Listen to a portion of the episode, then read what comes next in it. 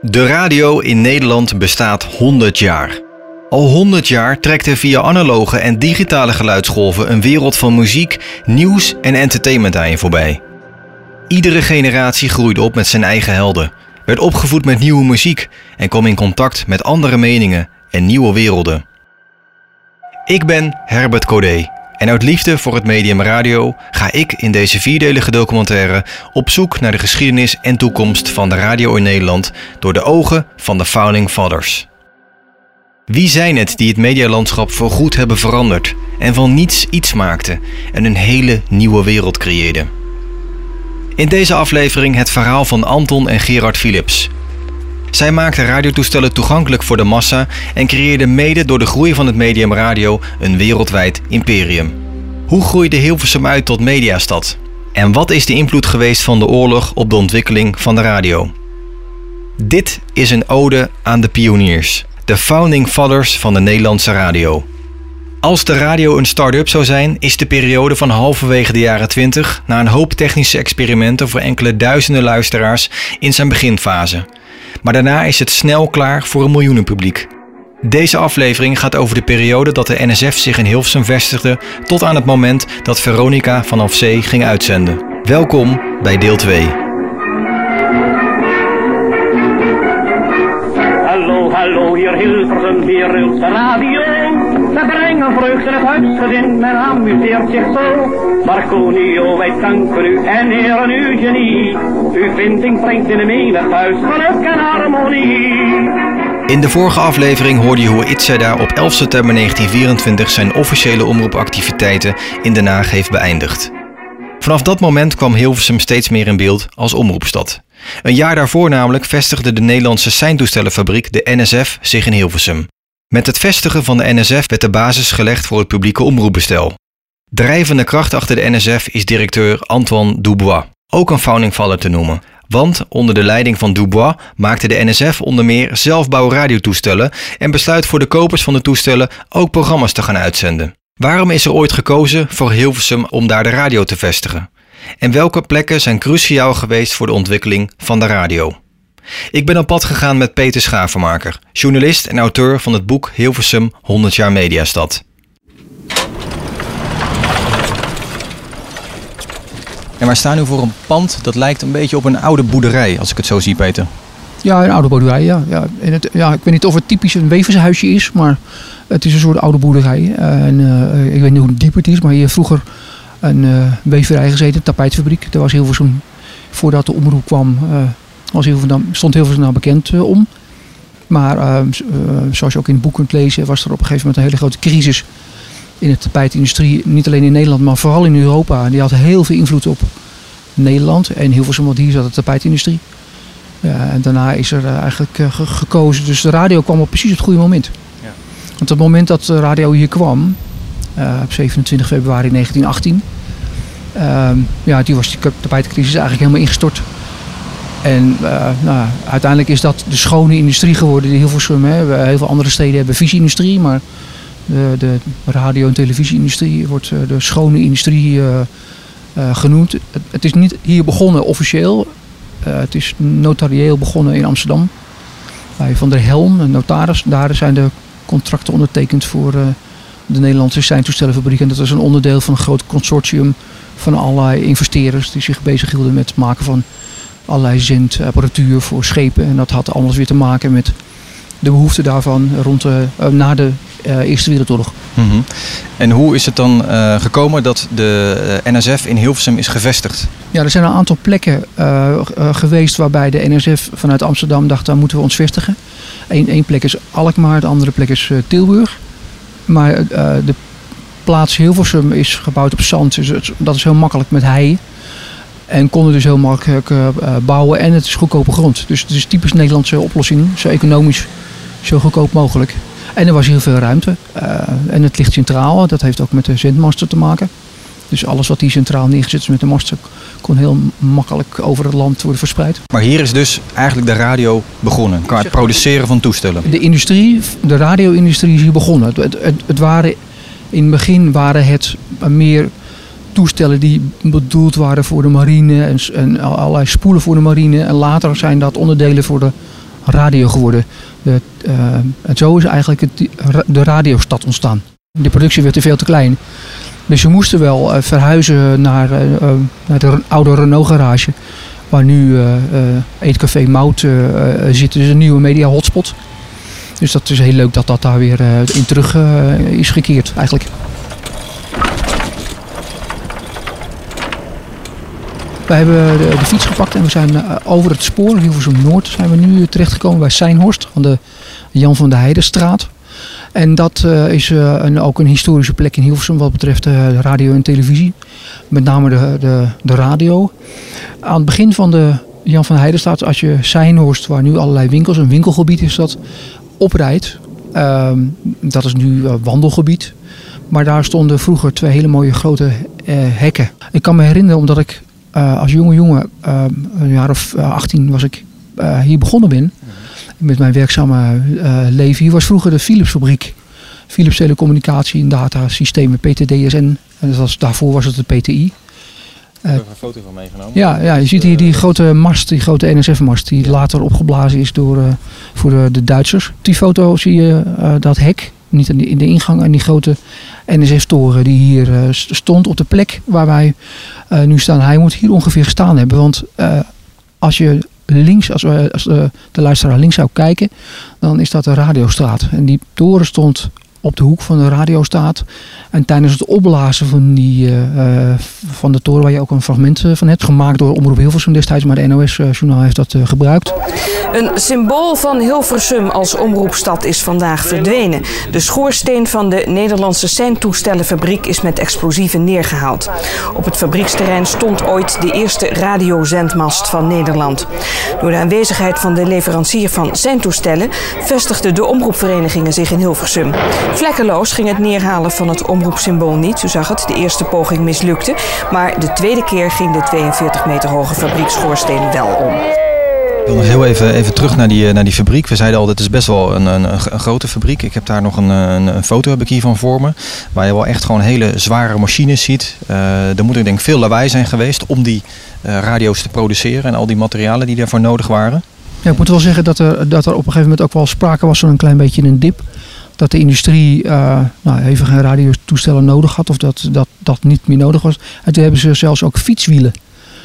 Als compensatie voor de, de gemiste werkgelegenheid hebben ze ook allerlei klussen aangenomen. En een van die klussen was dat ze eh, fietsen, spe- velgen en zo hebben, hebben gemaakt. Dat was een soort handeltje, handeltje erbij.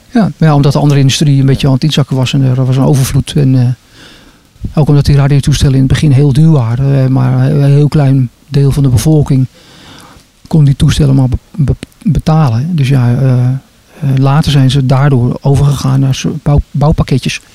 Hele kleine eenvoudige bouwpakketjes die mensen thuis konden maken, waardoor je een soort, toch een soort radio eh, thuis had. En het waren de NSF, er waren verschillende toestellen verschillende grote toestellen en kleine toestellen. Later zijn er een beetje eigen bouwpakketten van de NSF bijgekomen. En toen ontstond steeds meer interesse en eh, de omroepen gingen, zagen ook steeds meer in van ja, met de radio kunnen we propaganda maken. Kunnen we, hè? Je had natuurlijk destijds de socialistische kant en de christelijke kant en de katholieke kant. En de algemene, eh, de AFRO.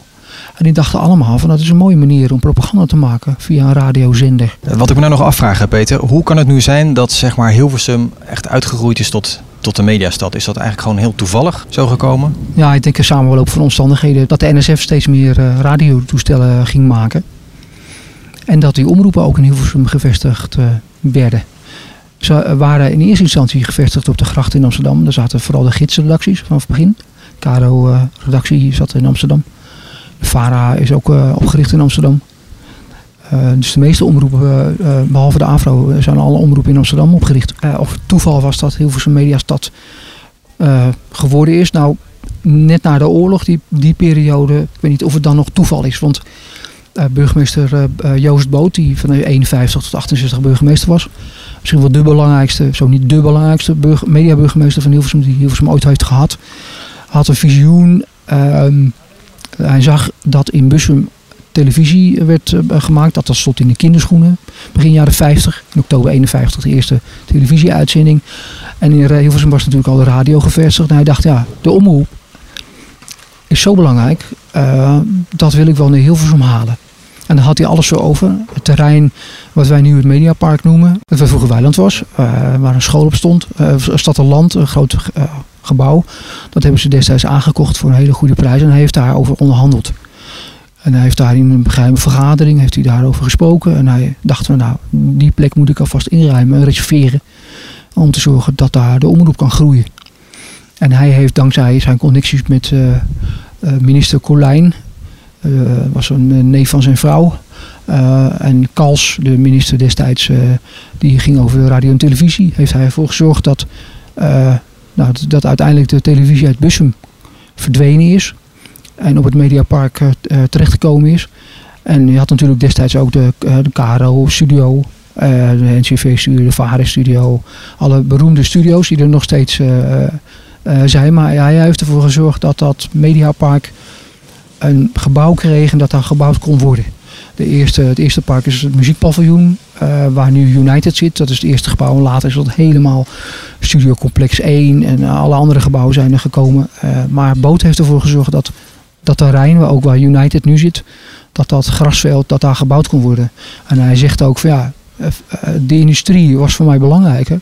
En ook voor de bewoners leuker dan dat daar allemaal huizen zouden komen. En hij heeft ook voor gezorgd dat het Mediapark groen kon blijven. Hè? Dat naast de gebouwen van het Mediapark ook heel veel groen. Zodat hij, heeft, hij heeft er echt voor gezorgd dat het ook een park, eh, een park is gebleven. En burgemeester Boot, ja, dat is zeg maar de leidende figuur. Hij, hij, hij is zeg maar degene die de sleutel eh, was eh, tot het ontstaan van de mediastad. Peter Schaafmaker, journalist en auteur van het boek Hilversum 100 jaar Mediastad. Dankjewel voor deze leuke rondleiding langs de bijzondere plekken in Hilversum. Graag gedaan. Ik heb heel veel nieuwe dingen geleerd.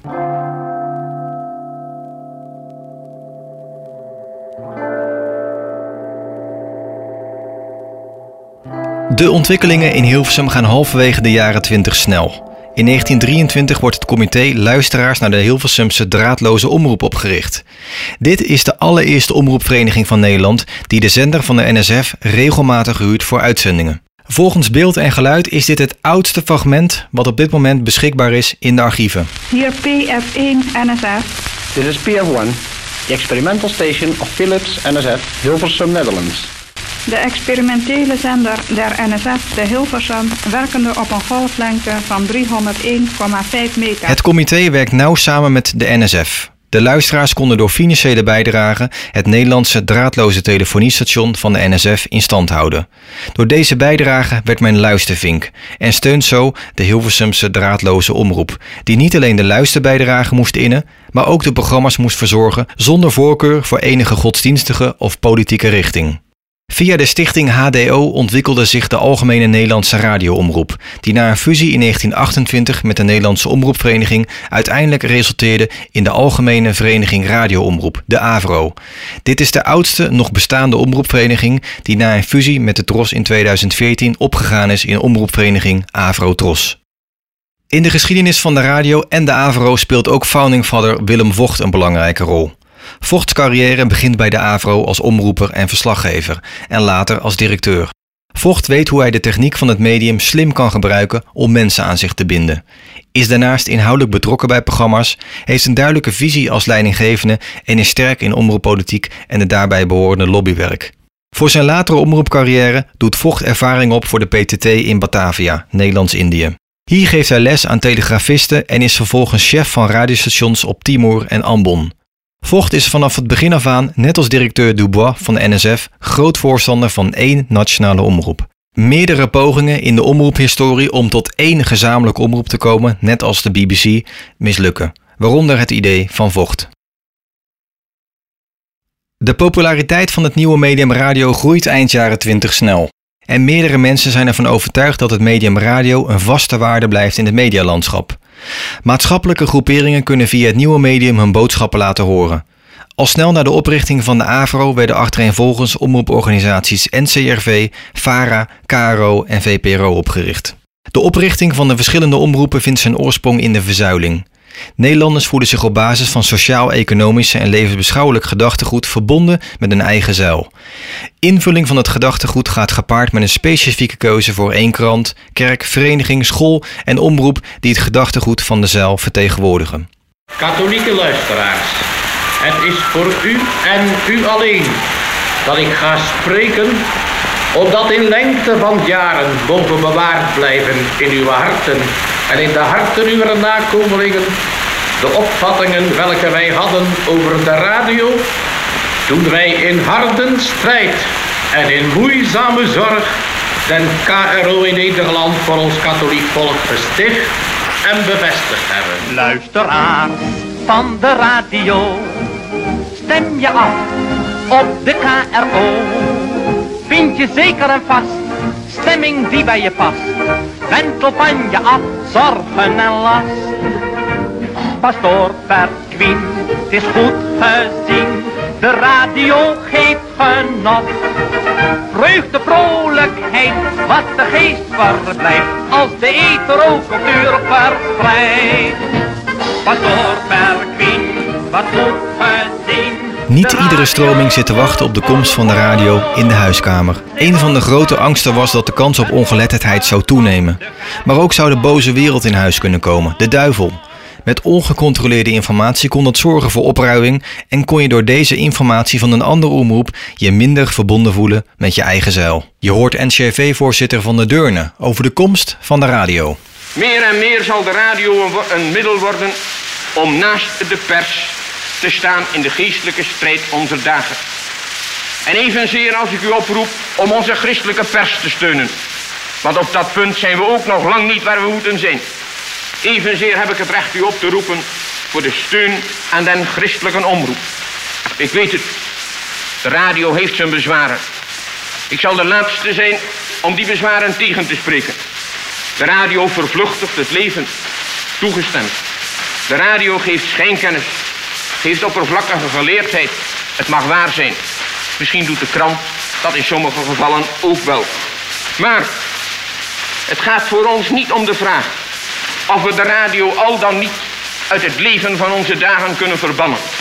Ik weet nog niet hoe dan de stemming zou uitvallen. Maar die radio is er.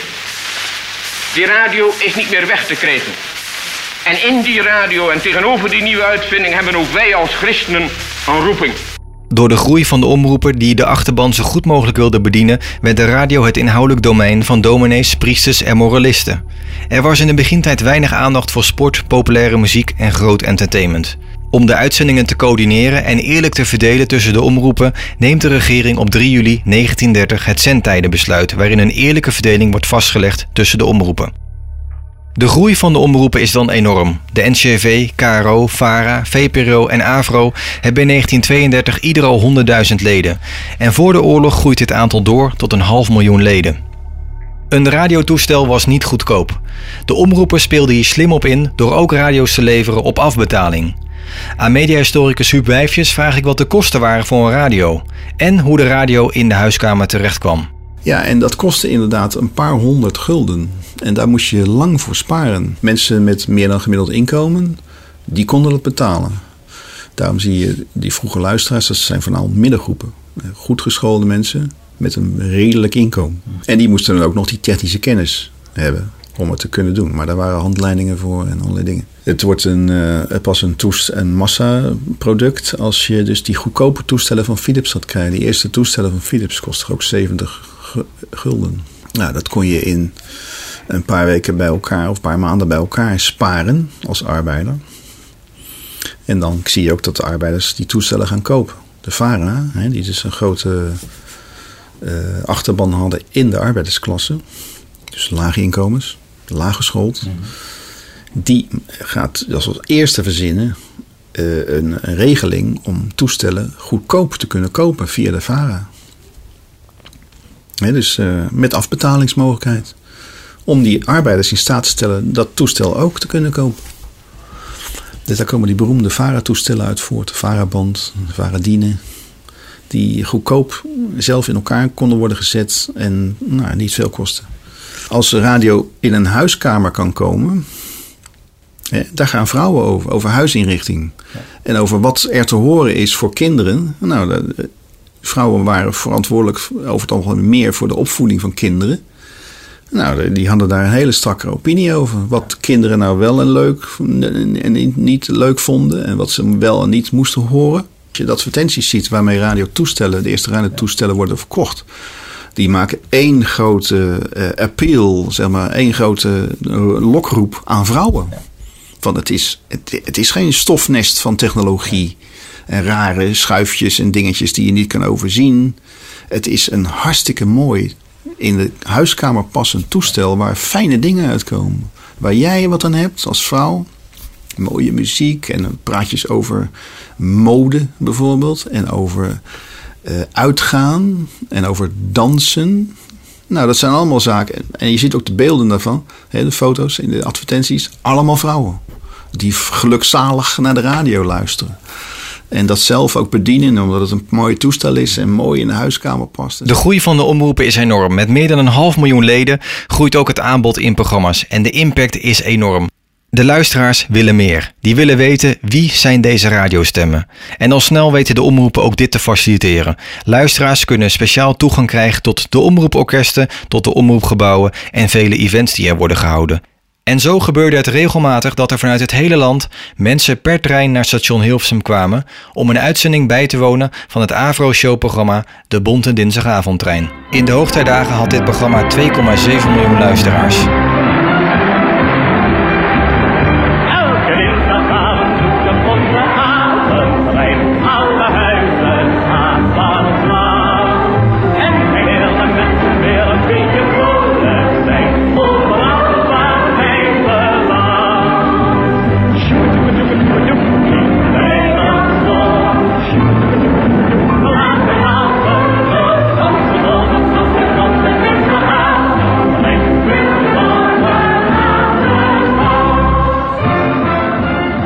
De rol van het bedrijfsleven en dan met name die van de Philipsbroers, Anton en Frits Philips, is bijzonder te noemen.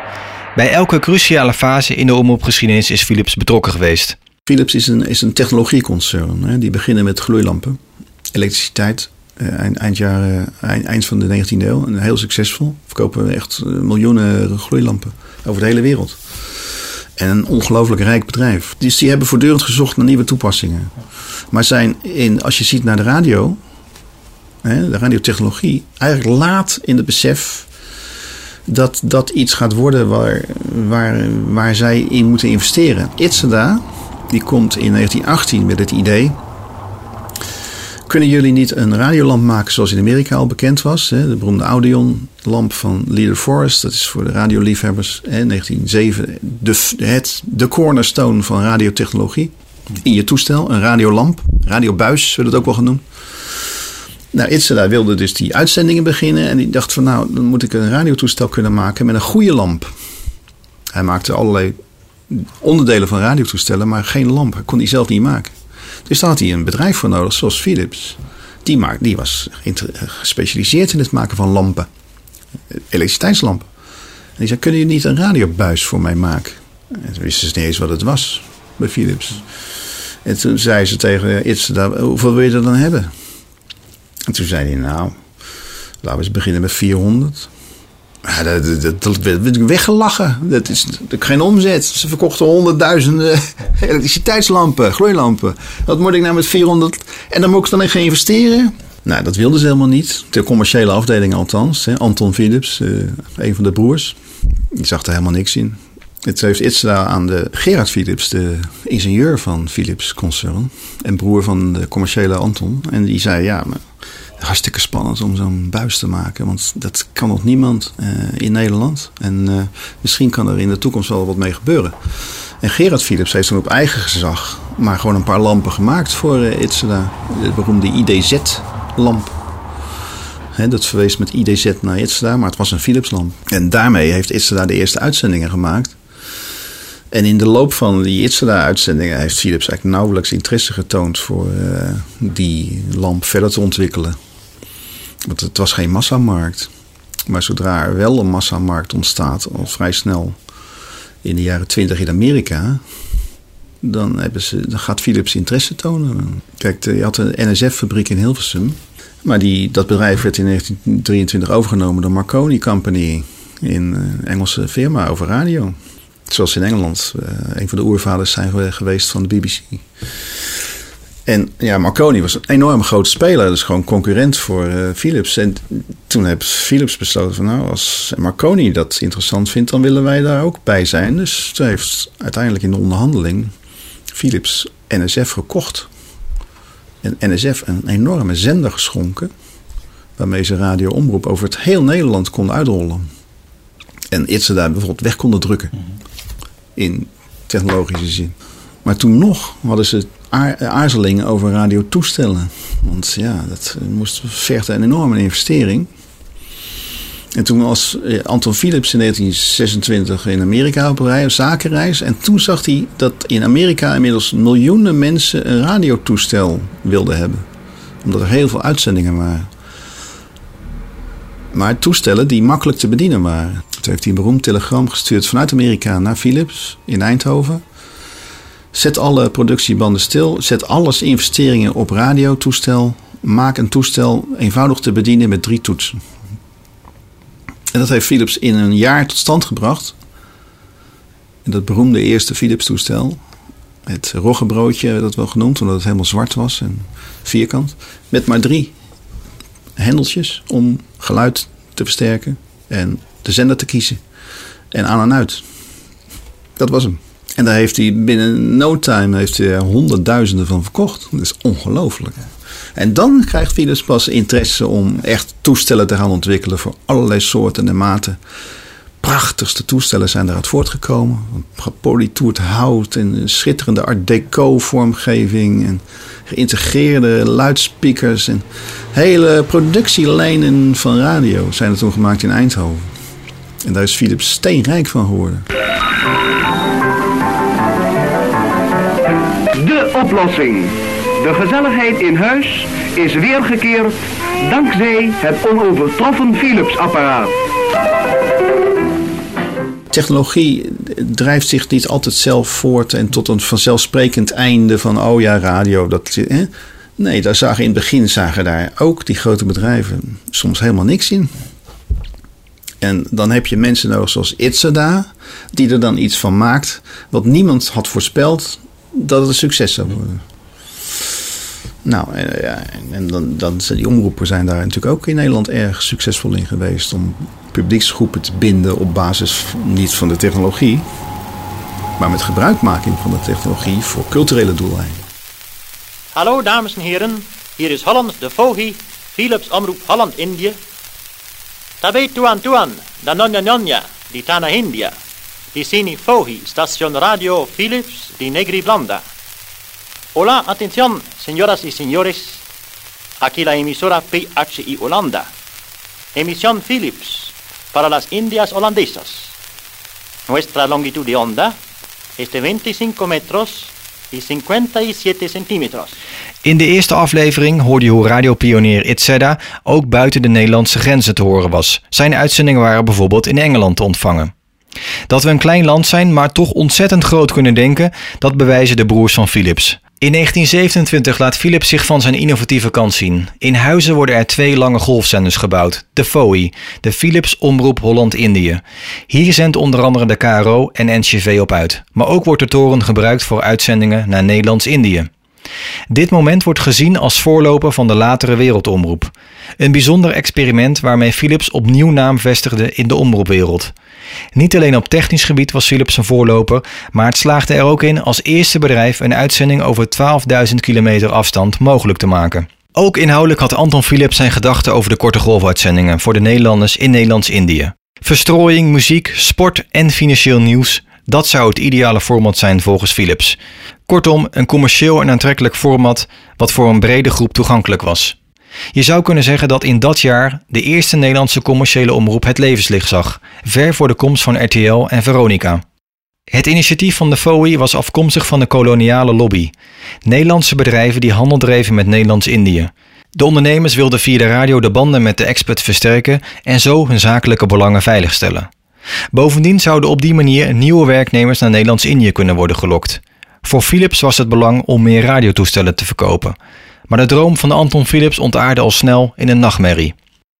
De verzeilde omroep zette alles op alles om het commerciële initiatief te laten stranden. De voorman in het Hilversumse verzet was de NCRV-voorzitter van de Deuren. Die trok aan de bel bij het ARP-kamerlid Van Dijk. Het monopolie van de FOI moest en zou worden opengebroken. En dat leek te lukken. Den Haag stelde een radioraad in die in 1930 adviseerde zo'n 40% van de FOI-zendtijd toe te wijzen aan de Hilversumse omroepverenigingen. En zo zou de commerciële omroep volledig worden ingebed in het verzeilde Nederlandse bestel. En zou het nog lang duren voordat we echt een volledige commerciële radioomroep in Nederland hadden.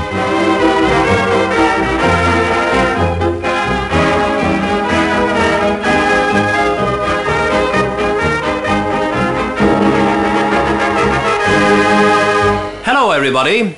Good evening, ladies and gentlemen.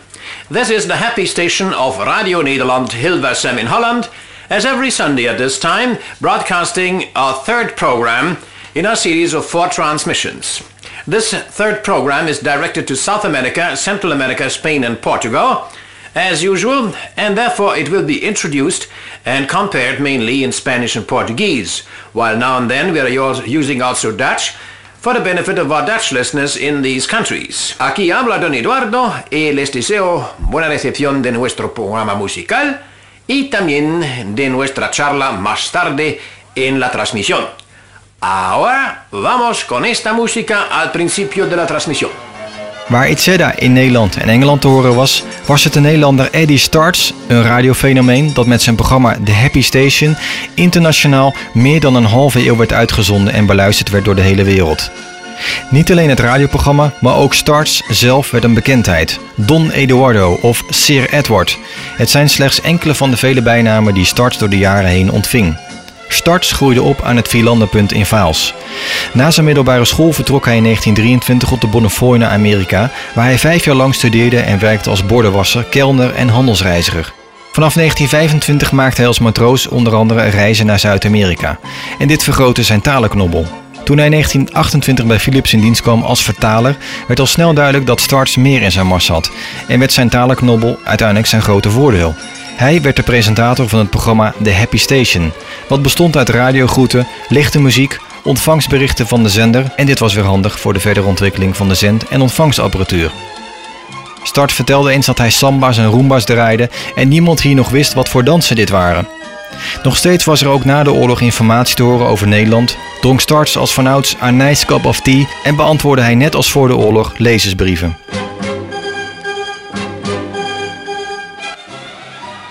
Als de Duitse bezetter in de Tweede Wereldoorlog ons land invalt, is het Antoine Dubois, directeur van de NSF, die opnieuw een belangrijke rol speelt en door de bezetter benoemd wordt tot gemachtigde voor de concentratie der omroepverenigingen in Nederland. Dit betekent dat hij in deze functie bewerkstelligt de opheffing van de particuliere omroeporganisaties AVRO, KRO, NCV, VARA en VPRO. Ook tijdens de oorlog moesten er veel toestellen ingeleverd worden. Er was een dip in de verkoop en het aanbod nam af.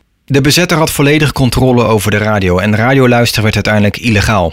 Ik vraag aan Huub Wijfjes wat de invloed is geweest van de oorlog op de ontwikkeling van de radio. In de oorlog had je dus eh gelijkgeschakelde omroep, nationale omroep, eh, Rijksradio vanuit de Duitse bezetter. Ja, dat was propaganda en eh, veel Nederlanders wilden dat niet. En die wilden toch iets Nederlands horen wat betrouwbaar was en wat terugbracht en terugbracht naar vertrouwde tijden.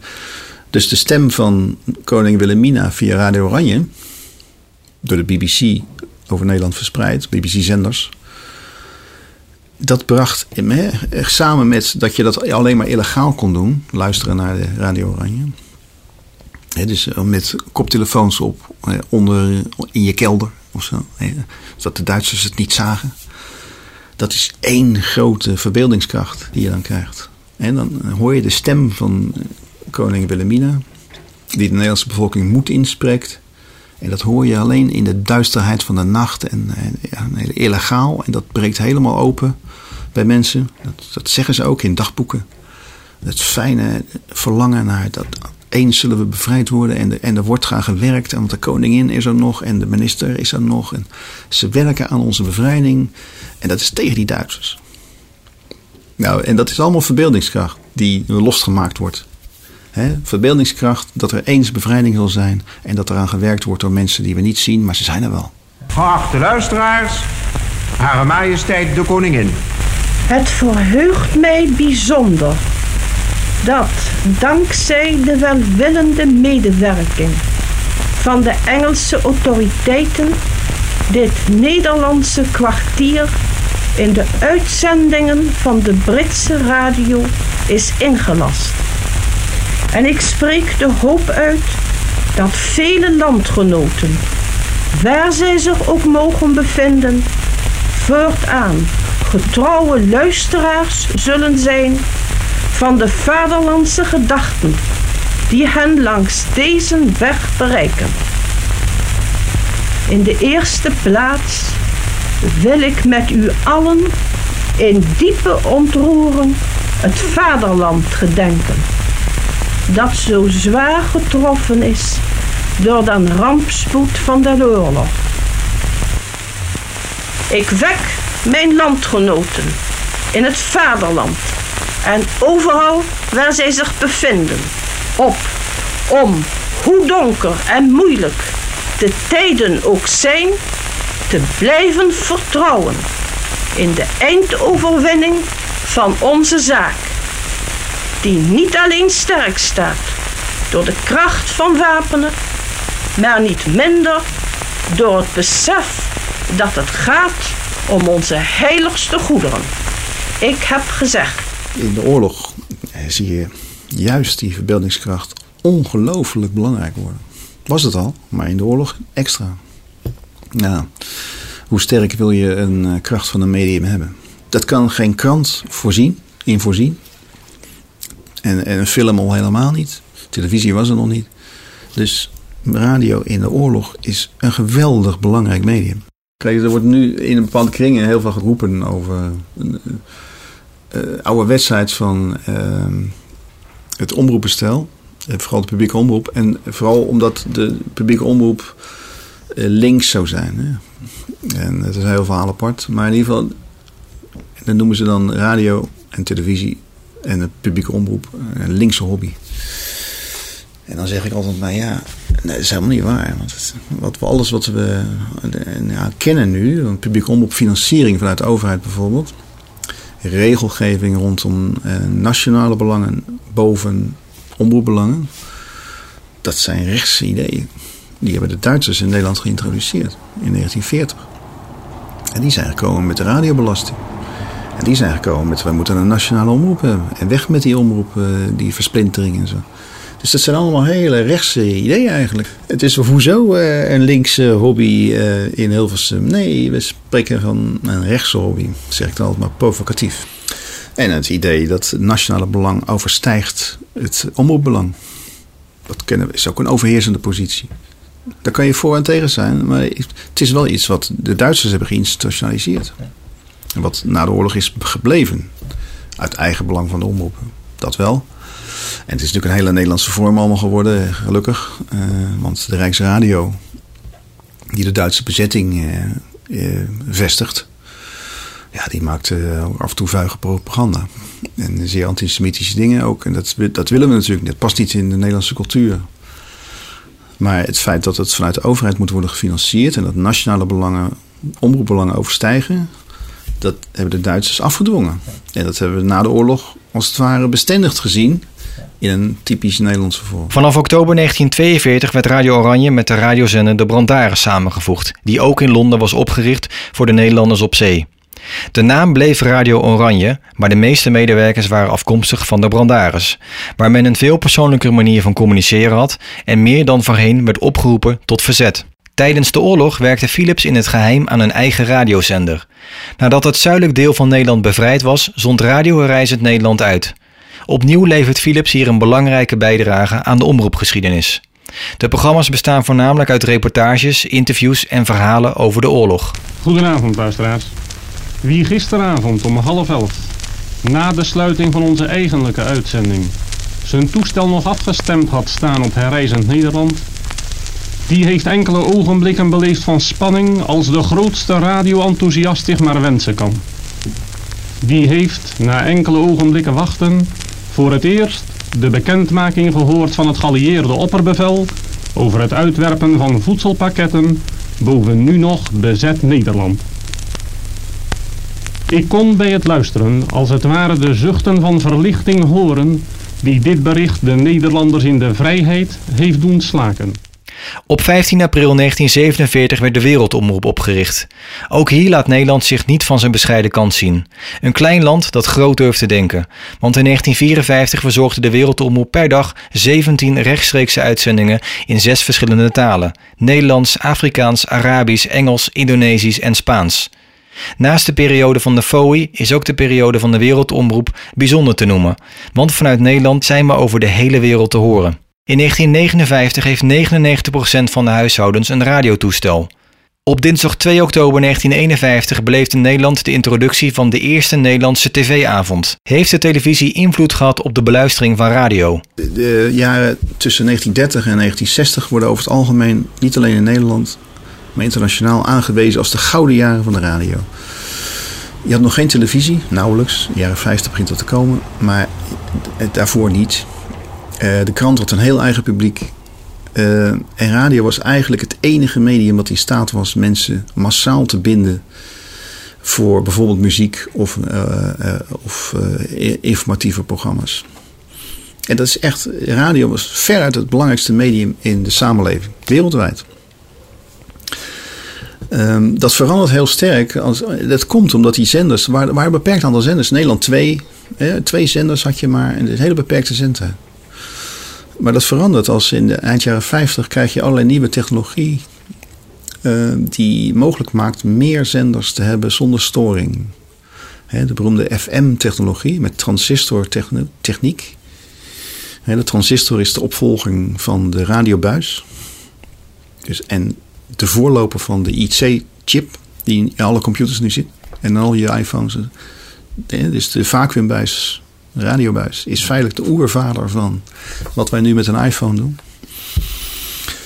Maar met die nieuwe technologie eind jaren 50 wordt het mogelijk meerdere zenders eh, eigenlijk te maken.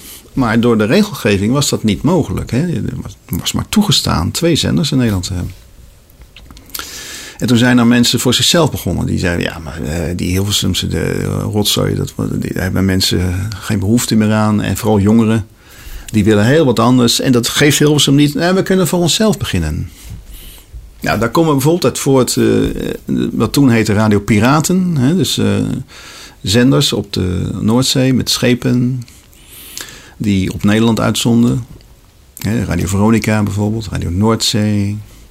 Maar bijvoorbeeld ook vanuit het vasteland, Radio Luxemburg. Een beroemd voorbeeld van in de jaren 50 al. Die zich ook richt op Nederland. Ter land, ter zee en in de lucht. Dat is het onderwerp voor de volgende aflevering, de periode van de commerciële radio. Met onder andere Erik de Zwart, Ruud Hendricks en Duncan Stutterheim. Fragmenten in deze aflevering zijn na toestemming en onder licentie van AVRO, KRO en NCRV gebruikt. De fragmenten van de Happy Station komen uit het archief van Douwe Dijkstra.